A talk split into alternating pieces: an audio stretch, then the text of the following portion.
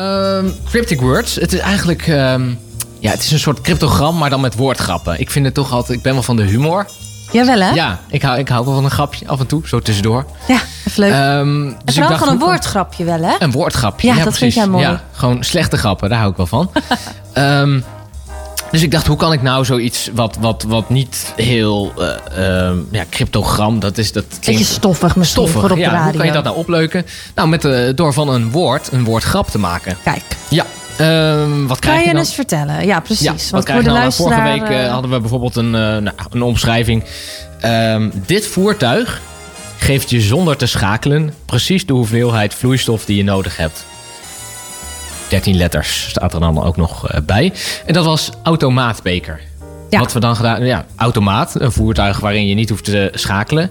En een maatbeker. En Ja. dat leggen we over elkaar heen en dan krijg je automaatbeker. Leuk. Ja, dus zo moet je een beetje denken.